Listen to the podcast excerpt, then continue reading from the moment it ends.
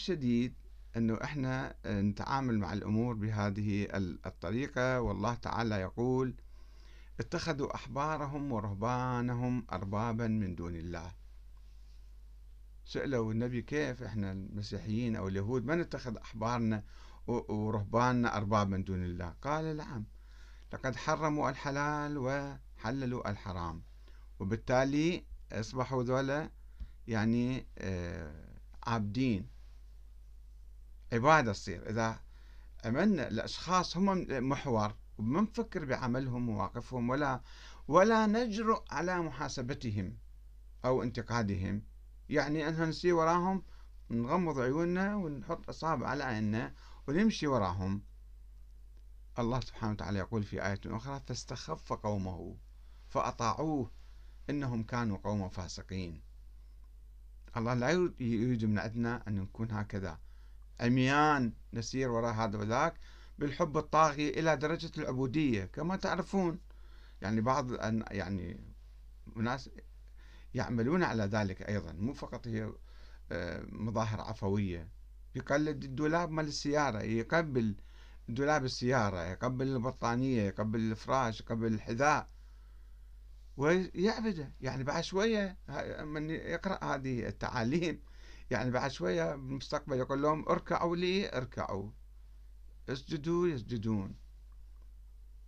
فتصير عبودية هذه.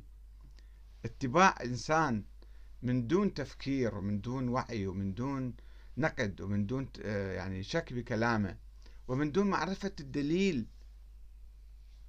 هذا يؤدي به الإنسان إلى المهالك ويكون كتلة ديكتاتورية.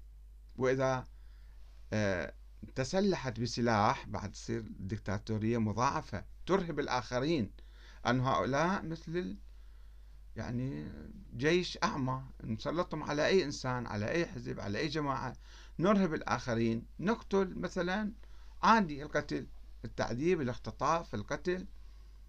وإذا صارت لا سمح الله حرب أهلية فذول كلهم مستعدين أن يخوضوا هاي الحرب بدون تفكير. يقول لهم لا تفكروا. إن جاهدوا جاهد معهم. جاهد يعني شنو؟ يعني أدخل معركة.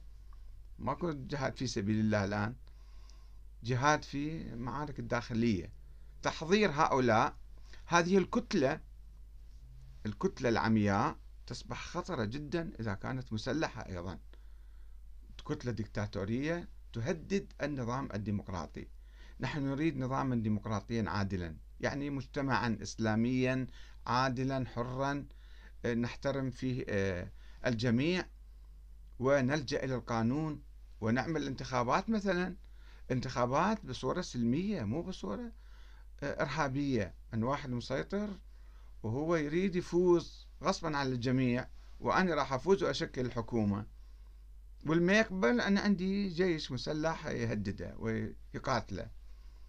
فهنا إحنا يعني خربنا هذا النظام الديمقراطي. والنظام الديمقراطي هو قدرنا ولا مستقبل العراق إلا بالنظام الديمقراطي. النظام الديمقراطي يعني نطبق الإسلام فيما بيناتنا. نحترم إخواننا نحترم المؤمنين. مو بالإشاعات والأساطير والدعايات نشحن النفوس والله جايكم الدواعش تعالوا. هم ماكو دواعش. وإذا يطلعوا نوجه الناس إلى آه، مثلا تهديد هذا أو تهديد ذاك. فإذا آه، استخدمنا هذه الطريقة يعني راح نخرب النظام الديمقراطي نخرب مجتمعنا. وإذا أنتم خربتوا هذا النظام راح يجون آخرين هم يلجؤون للقوة يجون دواعش فعلا آخرين. شنو الفرق بيني وبين الدواعش راح يصير؟ إذا الدواعش استخدموا القوة والإرهاب وسيطروا على المجتمع وأنا نفس الشيء أستخدم القوة والإرهاب وعندي جماعة لا. مثل ذلك يطيعون الخليفة فالجماعة يطيعون الصدر مثلا. مثل طاعة بايع بايعوا الخليفة ما يقول لهم الخليفة يسمعون كلامه. لازم تكون أنت ديمقراطي. ديمقراطي متواضع. تقبل النقد تقبل ال... يعني المشورة تحترم الآخرين وتقول للناس فكروا تعلمهم على التفكير. إذا كنت قائدا دينيا يجب أن تعلم أتباعك على التفكير وعلى معرفة الحق. الإمام علي عليه السلام يقول عجبت لمن يعرف الحق بالرجال. هذا الرجل هو الحق معه ولا يعرف الرجال بالحق. يعني لازم أي إنسان يكون عنده تمييز يعرف الحق ويشوف هذا الإنسان ماشي على الحق والعدل ولا لا. مو لأنه هو أنا أتبع هذا الشخص هو الحق المطلق وياه. بعد بدون تفكير. يعني مع الأسف الشديد هاي الثقافة بعيدة عن الثقافة الإسلامية والثقافة الشيعية والثقافة الإنسانية والثقافة الديمقراطية. وندعي نحن مسلمون شيعة علي بن أبي طالب وديمقراطيون أيضا ونعيش في نظام ديمقراطي. إحنا بهالصورة راح نرجع لي ورا ونخرب كل شيء ونهدد كل شيء لا سمح الله. فأنا في الحقيقة لست منافسا لا في الانتخابات ولا في الزعامة. ولا أيضا آه، عندي مصلحة مع شخص حتى أمدحه أو أذمه. إنما عندما يقوم بعمل إيجابي أقول هذا عمل إيجابي. هذا عمل صحيح. وعندما يقوم بعمل خاطئ أقول هذا عمل خاطئ. وأحذر في الحقيقة من هذه الثقافة السلبية التي تهدد العراق.